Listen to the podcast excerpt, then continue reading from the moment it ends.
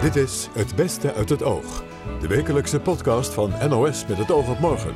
Met de mooiste gesprekken en opvallendste momenten van deze week. Hier is Mieke van der Wij.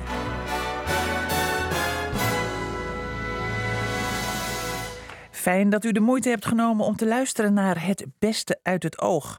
De mooiste of opvallendste gesprekken van de afgelopen week uit Met het Oog op Morgen. Thijs van Grinsven is de automonteur van de toekomst. Auto's zijn steeds meer rijdende computers.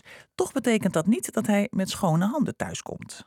Bij een moderne elektrische auto of bij een auto van vroeger zijn nog steeds, daar komt remstof vrij, daar komt rotzooi bij vrij. Ja. En daar word je nog steeds vies van. Het was afgelopen week 75 jaar geleden dat de Duitse stad Dresden werd gebombardeerd door de geallieerden. Hartmoed Heenchen maakte als kind het bombardement mee en groeide op tussen de puinhopen. Als Kind neem je het zo als het is. Je kent het niet anders. Maar mijn herinnering aan Dresden is natuurlijk, als ik een kleur zou noemen, is gewoon grijs. Toon en Marion genoten van hun vakantie in Finland. Totdat bleek dat ze in een busje hadden gezeten met iemand die besmet was met het coronavirus. Ze moesten linea recta naar de dokter. Wij waren in de veronderstelling, en dat begrepen we ook, dat we dus getest zouden worden. Ja. En dat we de volgende dag de uitslag zouden krijgen. En dat we weer naar huis mochten. Ja. Maar ja, dat eh, pakte iets anders uit. U hoort zometeen hoe dat uitpakte, maar eerst. Opmerkelijke beelden kwamen deze week naar buiten van het huis in Dubai, waar crimineel Taghi twee maanden geleden werd opgepakt. Presentator Chris Keijnen sprak met NRC-misdaadverslaggever Jan Meeuws over Taghi's arrestatie, uitlevering en verblijfplaats. Fascinerend om te zien hoe ja, uiteindelijk zeg maar een wereld die wij misschien toch te vaak omschrijven als iets te glamoureus. Want als je dit ziet, het zag allemaal chic uit, het zag allemaal mooi uit. Maar tegelijkertijd heeft het natuurlijk ook iets treurigs. Zo'n half opgedronken fles rode wijn Ja. en een pakje Marlboro sigaretten. Ja. En eh, een zwembad waar ze nooit in konden omdat ze dan bespied zouden kunnen worden. Dus ja, Ja. Wat, wat viel jou het meest op aan die beelden? Nou, dat wel uiteindelijk. Dat, dat, dat, dat je dus, je ziet wel de luxe. eh, en je ziet dus zo'n zwembad, maar je ziet dus ook, nou, ze hebben, hè, die, die politieagent uit Dubai vertelde dat ze het toch een behoorlijke tijd, dus eh, ik, nou, misschien wel tot een half jaar aan toe of zo, dat ze in de buurt waren en Ja. dat ze het in de gaten hielden. En dat dan dus uiteindelijk niet omdat ze daar een, een, een glorieus leven aan het leiden waren, maar omdat iemand een zakje vuilnis buiten zette. Dat was dan het enige bewijs dat er iemand woonde. Ja. Eh, dus dan woon je in, ja, op, een, op een toch best wel mooie plek met een schitterend zwembad en een heel fijn strand in de buurt. En dan zit je nou met je rode fles wijn de hele dag binnen een beetje te Netflixen en achter Oude, je oude nieuwe revues en, eh, en panorama's te lezen. Ja, precies. Eh, Ja. ja. god, dus dat is wel, nou, dat, dat, dat vond ik wel fascinerend. Ja. En tegelijkertijd kregen we vandaag ook beelden van Said R. ja, in Colombia, in Medellin. in Colombia, in Medellin, die eh, vrijdag was aangehouden. En dat zag er zo mogelijk allemaal nog treuriger uit. Nou was wel, eh, hij, hè, ze, ze hadden allebei een, een grote grijze baard laten groeien. Mhm. Ehm, maar eh, die Said die was ook bij een poging om te vluchten. Ik begreep dat hij van drie hoog of zo eh, Ja. naar beneden is gesprongen. Eh nou heeft, had hij kennelijk nou, of zijn arm of zijn pols gebroken of nou, in ieder geval bezeerd. En hij had ook duidelijk een, een, een grote plek op zijn voorhoofd. Ja. Eh, maar ook dat, ja, weet je, één keer in de week drie uur naar de moskee en halal eten, ja, dat was het dan. En ik las een verhaal dat, dat toen die politie die deur open, open maakte, bra- brak, neem ik aan, dat er, dat er een soort gore walm ze tegemoet kwam. Want hij durfde zijn huis niet eens meer te laten schoonmaken, is, is dan het verhaal. Dat, dat toch ontluisterende beeld, wat jou dan ook het Ja. me- meest Ja. Doet dat iets, denk je? In de zin van dat er dan misschien een paar mensen op hun hoofd gaan krabben en, eh, en denken, nou misschien loont misdaad inderdaad wel niet. Eh, ja, dat is een goeie. Ik, ik, ik, ik zou dit in ieder geval niet als eh, promotiemateriaal zien, om het maar zo te zeggen. Nee. Aan de andere kant, weet je, de, de, de, wat je ook altijd hoort is dat er in de slechte wijken van Nederland, dus in Amsterdam Zuidoost, in Utrecht, Overvecht, eh, dat soort plekken, dat er hele groepen jonge jongens leven van het werk.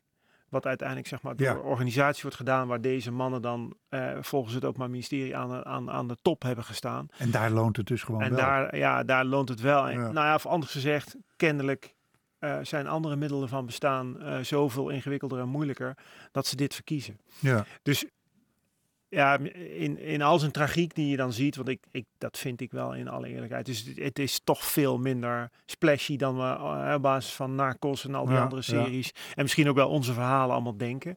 Ehm, maar ja, goed, het, is, het, het blijft voor heel veel jonge, eh, met name jongens, een eh, aantrekkelijk verdienmodel. Aantrekkelijke werkgever, ja. Ehm, er, was, zat ook interessante informatie in eh, het, het hele onderwerp bij Nieuwsuur over de uitlevering. Hè? We hoorden een, een, de advocaat van Taghi werd aangehaald. Mhm. die, die zegt, ik heb haar dat ook ergens op beeld, mevrouw Wesky, zien zeggen dat Nederland tegen Dubai gezegd zou hebben dat Taghi banden had met Iran. Goed, het werd in de reportage niet helemaal duidelijk welke informatie Mhm. Nederland gegeven had en Mhm. hoeveel, maar Mhm. zou, zou dat kunnen en, en kan de verdediging daar dan wat mee? Nou, dit, dat is heel complex. Eh, kijk, ehm, formeel, voor zover we weten, we zijn allemaal niet bij geweest, dus, Nee. eh, eh, maar voor zover we weten, heeft Nederland nooit officieel om de uitlevering van Taghi gevraagd. Nou, waren ze mee bezig. Maar voordat dat uitleveringsverzoek rond was, hebben de autoriteiten in Dubai gezegd: wij willen van hem af. Ja. Dus als jullie hem komen halen, eh, dan zetten we hem het land uit. Ja. Nou, dat is een beslissing die de soevereine eh, Arabische Emiraten, eh, de staat van de Arabische Emiraten, Ja. hebben genomen. En de Nederlandse rechter zal daarvan zeggen, daar gaan wij niet over. Dat is een beslissing van de Emiraten. Ook, ook want dat, er zat een, een, een, eh, journalist in Dubai in die Mhm. uitzending. En die Mhm. zei, ja, maar daar hebben wij procedures voor. Dan moet eerst eigenlijk een rechter hier naar kijken. Is allemaal niet gebeurd. Daar heeft de Nederlandse rechter allemaal niks mee te maken. Nee, kijk, de, de Nederlandse rechter zegt, wij, wij, het sta, wie zijn wij om te toetsen of de rechtsstaat, de Emiraten, of die hun, hun recht goed hebben eh, eh, toegepast. Daar Hm. gaan wij niet over. Hm. Eh, er is een, een arrest van het Hof in Den Bosch. en het gaat, over, eh, het gaat ook over een overlevering van eigenlijk een, een vrijwel identieke situatie aan Taghi. Waarbij dus ook iemand wordt aangehouden op verzoek van de Nederlandse autoriteiten. Die moet ook naar Nederland toe. Nederland overweegt een uitleveringsverdrag in te leveren. En op een gegeven moment zegt dat land, eh Dominicaanse Republiek is het. Weet je wat, als jullie hem komen halen, neem hem maar mee. Dan hoeven wij hem niet meer. Ja. Ehm, en daarvan zei het Hof eh, eh, een belangrijk ding. Ik ga het nu even voorlezen, omdat Ja, ik het, eh, ja. het is een, een juridische tekst. Ehm, niet is gebleken dat door een naar Nederlands recht als onrechtmatig optreden te beoordelen interventie van de Nederlandse overheid, de de, dat de Democratische Republiek daardoor is overgegaan tot uitzetting. Met andere woorden, Ja. kijk, het kan best wel zijn dat mevrouw Wesky een punt heeft, want we zijn er echt niet bij geweest, dus de- de- we weten het gewoon echt Nee, niet. nee. Maar zij zal dan moeten aantonen dat Nederland dus naar Nederlands recht ja, op dusdanige wijze in dat hele proces heeft geïnterveneerd, Ja. heeft opgetreden, dat, de, dat Dubai en de Emiraten ten onrechte hebben besloten om hem op deze manier aan Nederland, aan de Nederlandse eh, eh, autoriteiten over te dragen. En zelfs als ze zou kunnen bewijzen dat Nederland inderdaad heeft gezegd... ja, hij heeft banden met Iran, terwijl dat niet waar is. Wat natuurlijk heel moeilijk te bewijzen Ja. is. Maar zou, zou dat dan zoiets onrechtmatigs zijn? Dat, dat is de vraag. Hmm. Kijk, ze dus- dat dus eerst moeten bewijzen. Dus dan komt dat probleem. Dan, nou ja, uiteindelijk zal ze dan dus waarschijnlijk bijvoorbeeld getuigen moeten gaan horen in Dubai. Om hè, eh, vast te stellen hoe is dat nou eigenlijk allemaal gegaan. En bijvoorbeeld de Nederlandse die dan hè, is een, een Nederlandse medewerker van het Openbaar Ministerie die in Dubai werkt. Mhm. En die zeg maar de, de contacten eh, warm houdt, om het even huiselijk te zeggen. Ehm, die, nou ja, die, die zal dan moeten worden ondervraagd over van god, wat heb je nou eigenlijk allemaal precies gedaan? Wat hebben jullie eigenlijk allemaal verteld over mijn cliënt? Eh, nou ja, en dan, dan nog, d- nou, dan zal er informatie zijn uitgewisseld. Maar de vraag is dan of dat zeg maar die toets haalt van Ja. dat, dat, dat er sprake is van een onrechtmatige interveniëntie. Ja. Eh, eh, eh, dus dat is, dat, die lat ligt best wel hoog. Ja. Overigens geldt voor een andere cliënt van mevrouw Wesky, dat is Mao R. Dat is een, een, een van de echte hoge adjudanten van eh Ridwan Taghi. Ehm, die is dit, het voorjaar van 2019 in, samen met zijn broer in Suriname aangehouden. Die is toen ook binnen twee dagen stond hij in Nederland. Dus die is door de Su- Surinaamse autoriteiten Hm. eh, zeg maar met de post naar Nederland gestuurd, eh, met het vliegtuig. Ehm, daar is toen zeg maar bij de, de eerste, een van de tussentijdse zittingen die we ook over een paar weken weer mee gaan maken, is daar door mevrouw Wesky uh, over geappelleerd van het is onrechtmatig gebeurd. Daar heeft de rechtbank in ieder geval ik heb niet zo snel terug kunnen vinden wat precies de beslissing was. Maar die beslissing heeft in ieder geval niet geleid tot een vroegtijdige vrijlating op dit moment. Nee, okay. We willen natuurlijk niet zeggen dat daar nog alsnog iets kan gebeuren. Maar uh, vooralsnog ligt de lat heel hoog. Bij automonteurs denk je aan met olie besmeurde overals, vieze handen en auto's die in allerlei onderdelen uit elkaar gehaald worden. Maar met de opkomst van de elektrische auto verandert dat beeld meer en meer. Presentator Wilfried de Jong sprak met Thijs van Grinsven. Hij won de prijs voor autotechnicus van de toekomst. Om de prijs te winnen in Nederland moest ik meedoen aan een voorronde. Wat inhield dat ik digitaal een toets moest maken. Daarin werden tien vragen gesteld. En op basis van de juiste antwoorden en op tijd werd je uitgekozen. Ja. Als je daar in de top viel, dan werd je uitgenodigd voor een halve finale. En in de halve finale moest ik tegen drie andere con-collega's strijden. Ja. En na de halve finale, wat dus uiteindelijk gelukt is. Ja. En hoeveel deed er in totaal aan meedeed? Hoeveel automonteurs?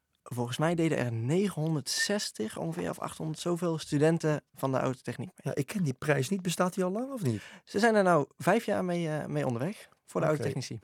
Thijs, een automonteur. De, de, de, ik denk dan meestal aan wat oude, oudere mensen die lekker aan die auto's sleutelen. Hoe oud ben jij? Ik ben 21 jaar jong. Je bent 21 jaar jong, ja. Goh, uh, wat, wat voor opdrachten zaten er eigenlijk bij, bij die, bij die, bij die, uh, bij die, om, om aan die prijs te komen? Uh, in dit geval tien vragen beantwoorden, maar ja, die tien moet je vragen... ook dingen doen, fysiek, met je handen, of hoeft dat niet? Jazeker, die tien vragen waren dus wel uh, strikt theoretisch. Dat was, uh, waren wel moeilijke vragen hoor, eerlijk ja. gezegd. Maar daarna de halve finale waren vier hele interessante storingen die ze ingebouwd hebben in auto's. Dus dat was echt diagnose. Dus er staat een, auto, er staat een auto voor je ja. en, en, en, en, en, en, wordt, en er wordt er gezegd, er is een storing. Wat, wat geven ze je mee? Niks? Of? vrij weinig in ieder geval. Ja. Dus, om maar een voorbeeld te noemen. Ja. er was een auto waarbij gezegd werd, nou, er... De auto is ermee gestopt. De brand de zekering door. De ANWB is langs geweest. Kon niks vinden. Hebben de zekering er weer ingezet. Brandde daarna weer uit. Ja. Dus aan jou de eer om, uh, om het uit te zoeken. Ja. En wat doet Thijs dan?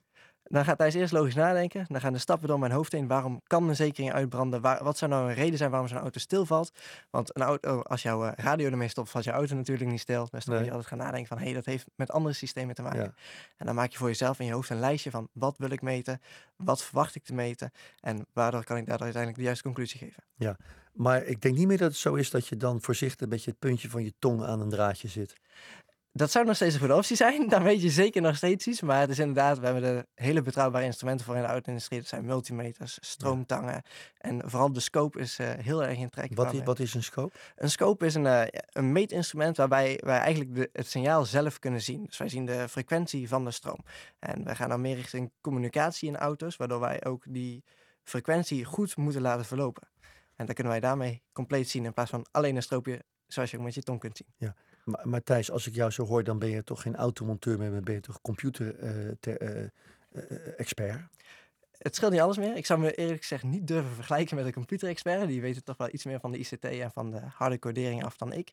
Maar inderdaad, het vak komt steeds dichterbij. Die ICT-gelegenheid worden steeds meer programmeren, steeds meer uitlezen en diagnose stellen op basis van computergegenereerde gegevens. Ja, want, want uh, hoe is jou in kort jouw levensloop gegaan voordat je dacht ik word automonteur? Zat dat in de familie? Uh, was het om de hoek? Waar kom je vandaan eigenlijk? Ik, ik kom uit Schaik, dat is in het uh, mooie Noord-Brabant, nabij ja. Os. Maar ja. het zit zeker niet in het bloed. Ik heb geen familielid die toevallig in de auto zit. Het heeft vrij lang geduurd, tot mijn dertiende, voordat ik met de auto's begonnen ben uiteindelijk besloten, ik moet iets met auto's gaan doen. En dan begin je langzaam zelf met hobbyen. En dat vind je dan leuk. En uiteindelijk heb ik engineering geprobeerd.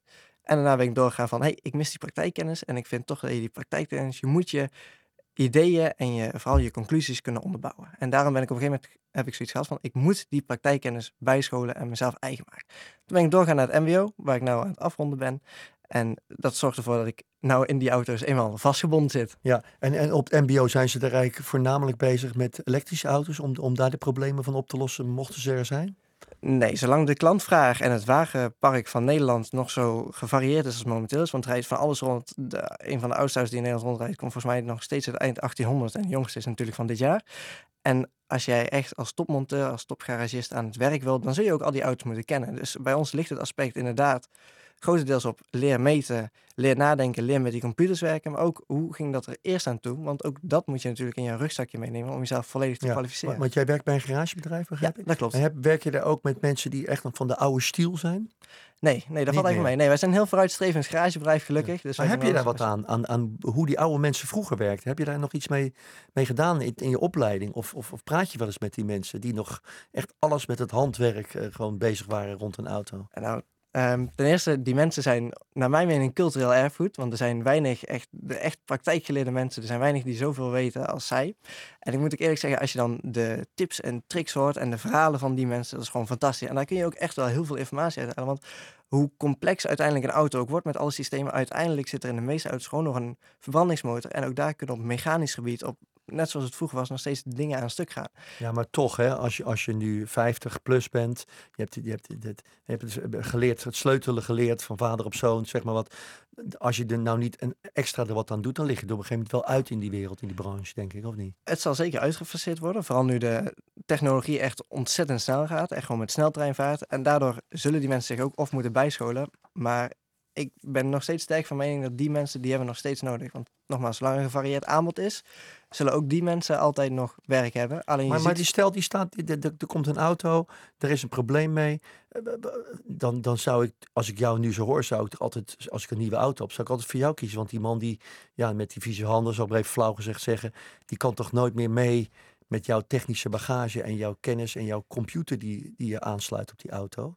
Ja, het is een beetje net als een smartphone. Iedereen kan een smartphone bedienen, of je nou jong of oud bent. Alleen we zien inderdaad dat de jongere mensen het sneller op zich nemen en zich sneller in de smartphone zullen installeren en zullen nestelen en het beheersen. Ja. Dus het is inderdaad zo dat de jongere generatie zal het dadelijk makkelijker oppakken. Vooral met de auto's die programmeerbaar worden en met bijvoorbeeld de elektrische auto's. Mhm. Dus dat inderdaad zeker.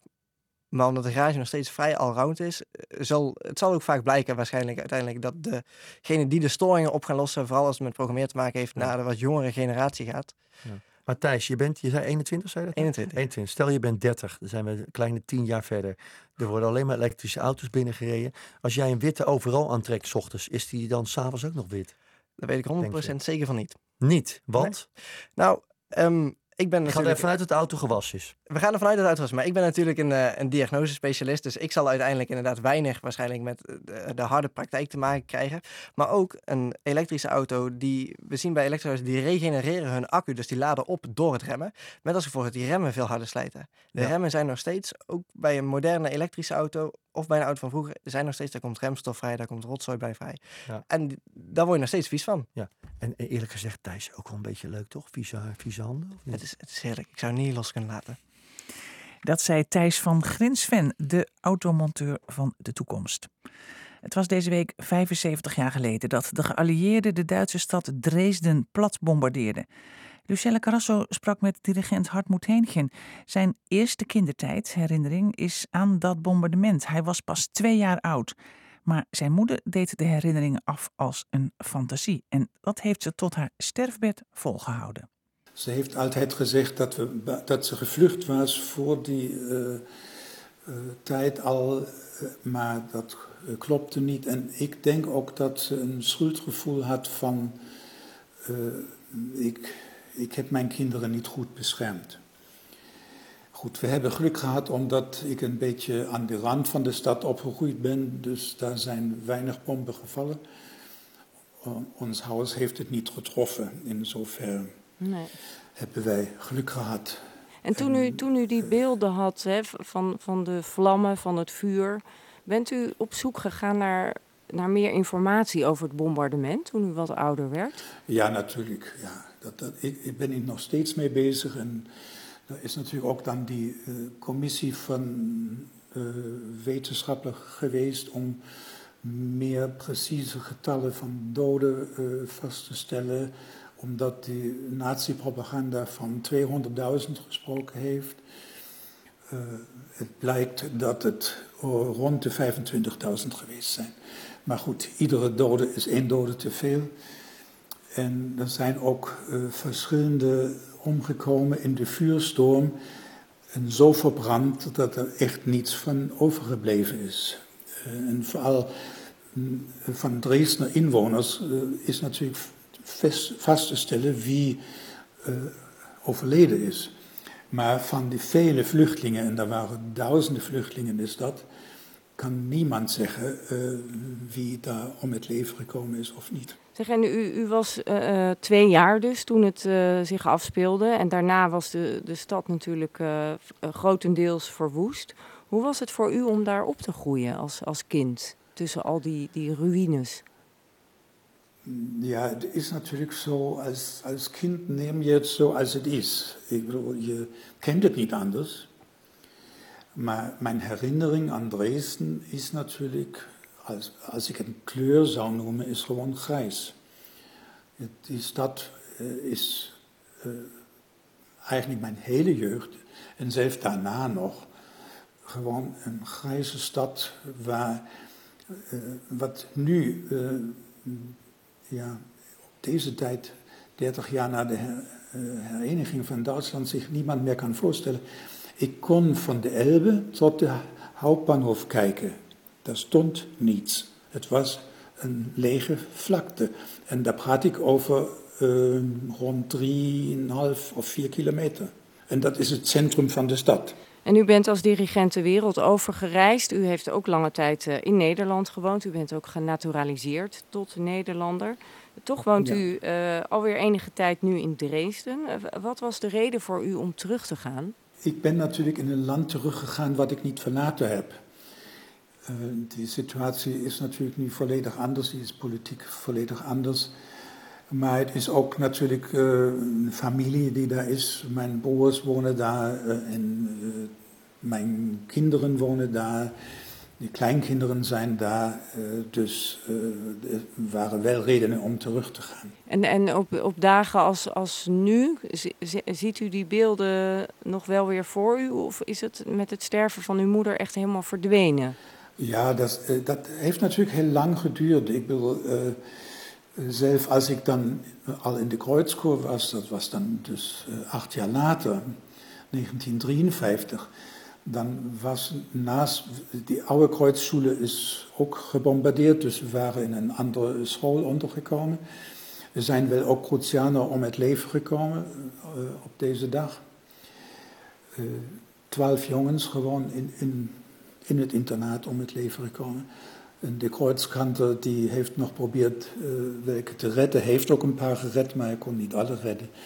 En heeft een rookvergiftiging gehad. En, en daarom kon hij dan ook zijn hele leven eigenlijk niet meer zingen. En ook heel slecht praten. Wat voor een koordirigent ook een heel moeilijke taak is. Ja, ja. Maar ik herinner mij, naast ons stond een huis, dat was ook een ruïne. En het was natuurlijk verboden in die ruïne te gaan. Maar goed, ik was uh, ook een jongen die uh, een beetje avontuur gezocht heeft, heeft. En we zijn dan in die kelder. En, en dit is ook iets wat ik niet zou vergeten, omdat natuurlijk daar ook nog dat wat die mensen meegenomen hebben in die kelder uit de woning dat lag daar gewoon nog. En wat lag daar? Nou ja, koffers uh, met kleding die intussen vervuild was. En daar, daar waren ook uh, chatoules die niet eens opgebroken waren. En uh, ja, wat, wat mensen zo meenemen als ze in, in, eigenlijk niet weten wat is het meest belangrijke wat ze moeten meenemen. Het gewoon dingen pakken wat. wat je kan pakken in de haast, ja. Ja. Hartmoed Heenchen was dit. Ze gingen op vakantie naar Finland. Niet echt een risicogebied als het gaat om het coronavirus, dachten Toon en Marion. Maar niets bleek minder waar, vertelde ze aan Wilfried de Jong. Wat een droomreis had moeten worden, werd elf dagen quarantaine. We hadden een heel romantisch avondje een keer en toen hadden we zo over... Uh wederzijdse bucketlist. En uh, daar was het er eentje van. Ik wilde graag uh, naar het noorden en zij wilde graag naar het noorderlicht. Ja. Nou ja, en dan is 1 en 1 2, hè? Ja, ja en dan ga je naar, uh, naar, naar Finland. Daar kwamen jullie aan. Ja. En wanneer besloten ja. jullie naar dat licht te gaan? En hoe kom je daar? Om, uh, om naar het Noorderlicht te gaan zoeken. Ja? Ja, dat, uh, dat doe je via een safari, toch? We zijn op zondag aangekomen en op maandagavond gingen we op Aurora Hunter. En ja, in, in een busje. En dan ga je met uh, ongeveer 20 man. Ja, wat voor een busje was dat? Gewoon ja, een... zo'n zo'n minivan. Ja, ja. En dan zit je met z'n 20 in. In dit geval uit de 21 en dan de chauffeur en een uh, gids. Ja, en hoe lang rij je dan naar het noorden toe, naar het licht? Um, je zit drie uur in het busje. Ja. Maar ze gaan naar verschillende plekken waar, het eventueel, waar, we, waar je het kan zien. Ja. En uiteindelijk waren dat vier plekken. En dan ben je even tien minuutjes eruit uit het busje. En jullie zagen het ook? Nee, helaas niet. Nee. Nou, heel, nou, heel, heel typisch. We zagen het, we zagen het in, in, in, in, op een cameraatje van de Chinezen. Die hebben hele speciale camera's die dat licht wel vast kunnen. Oké, okay, want er waren Chinezen aan boord van dat busje? Ja, Hoeveel waren er? Uh, 14. Ja, 14? Nou, nou, niet alleen Chinezen, maar uh, Aziaten. Ja, oké. Okay. Dus, uh, dus op die cameraatjes kon je het zien? Wat ja, goed. die alleen een speciale camera's. Ja. ja. Dus we hebben het wel gezien, ja. indirect. En dan rij je, dan rij je, rij je, nou ja, niet heel gelukkig, want je hebt het met je eigen ogen niet gezien, maar via de cameraatjes wel. Dan rij je terug naar de plek waar jullie sliepen, neem ik aan? Ja, we zaten in een hotel in Sariselka. En dinsdag hebben we ook nog een leuke activiteit gedaan. En woensdag en toen donderdag wilden we weer een nieuwe safari boeken. En we komen op dat bureau aan en we boeken een nieuwe safari, geven de namen weer door. En die meisjes kijken elkaar aan. En toen zeiden ze, zaten jullie maandagavond ook niet uh, in dat busje uh, naar het, uh, die Aurora Hunter?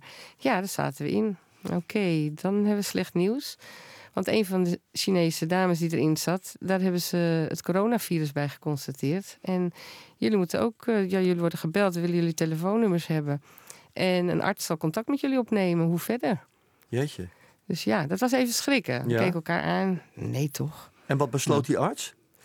Eh, die arts besloot dus dat we sowieso eh, op dat moment het hotel niet meer uit mochten. En we moesten op instructies wachten. Toen werden we weer teruggebeld.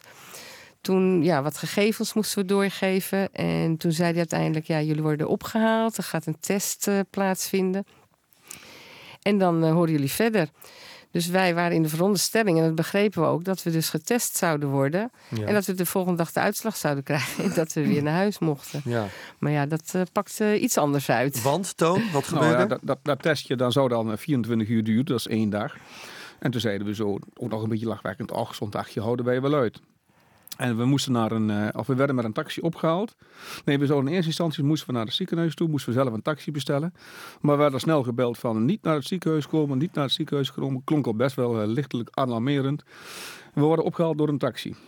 We werden opgehaald door een, geblindeerde taxi. En we werden naar een, eh, een, eh, een gebouwtje gebracht. Dat was eh, heel klein.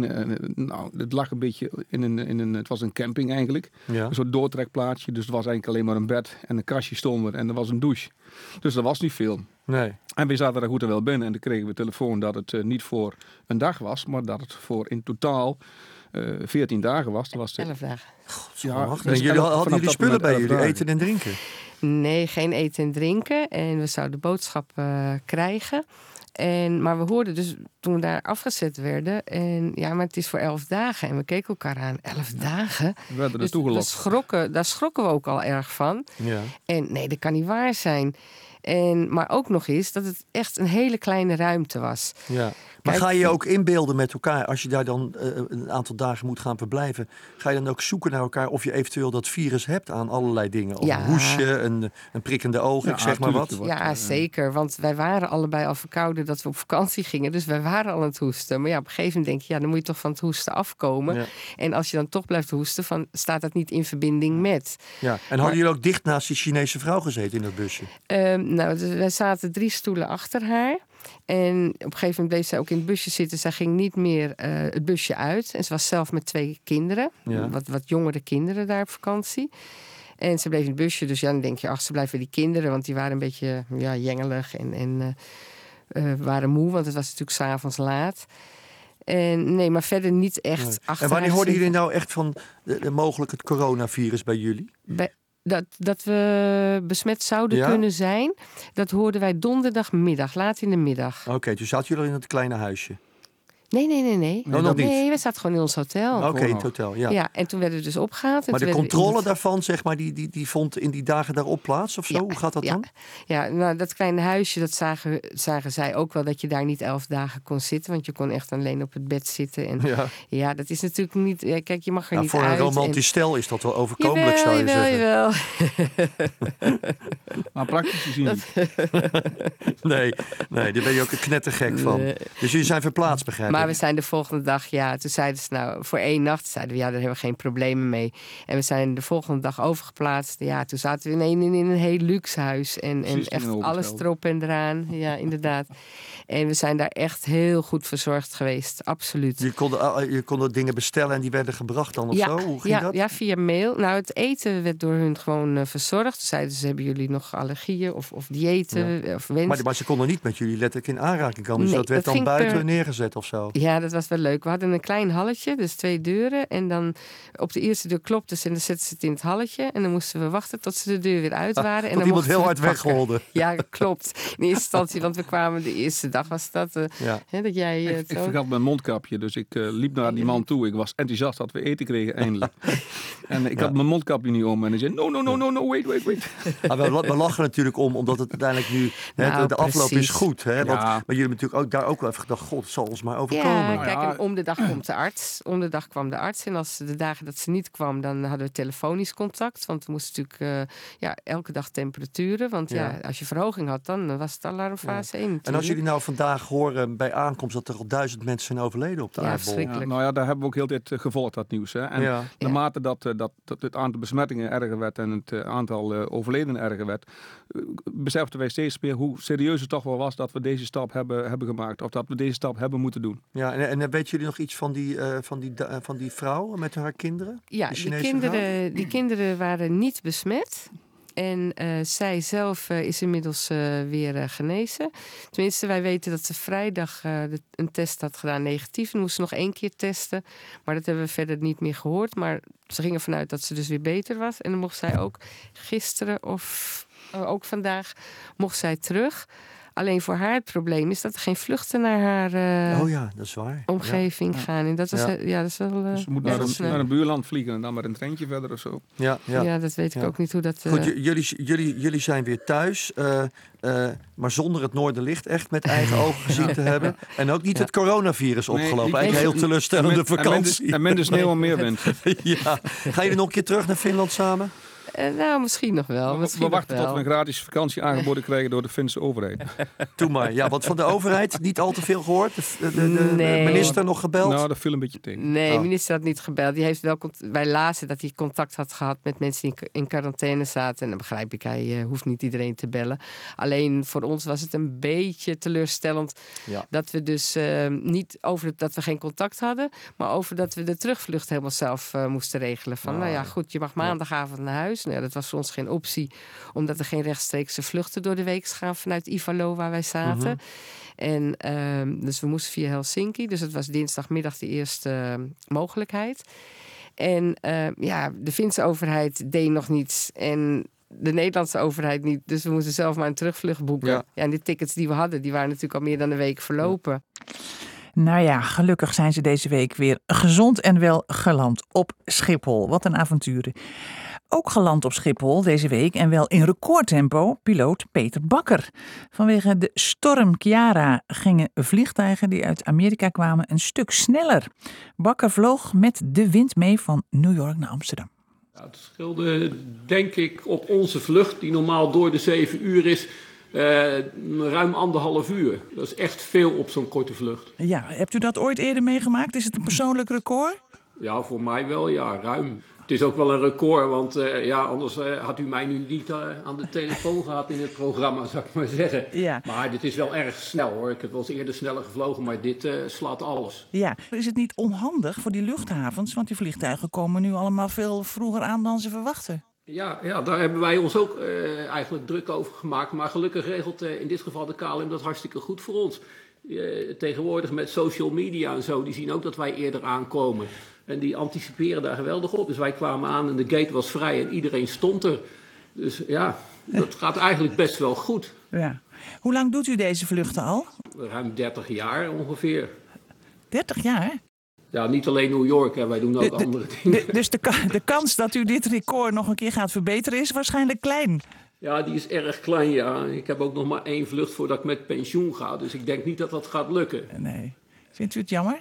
Ja, natuurlijk. Alles is jammer om ergens afscheid te nemen. Maar ja, god, het is weer een begin van een nieuwe periode. Hè. Dat heeft ook weer zo zijn, zijn charme. En daar ga ik evenveel van genieten. Ja.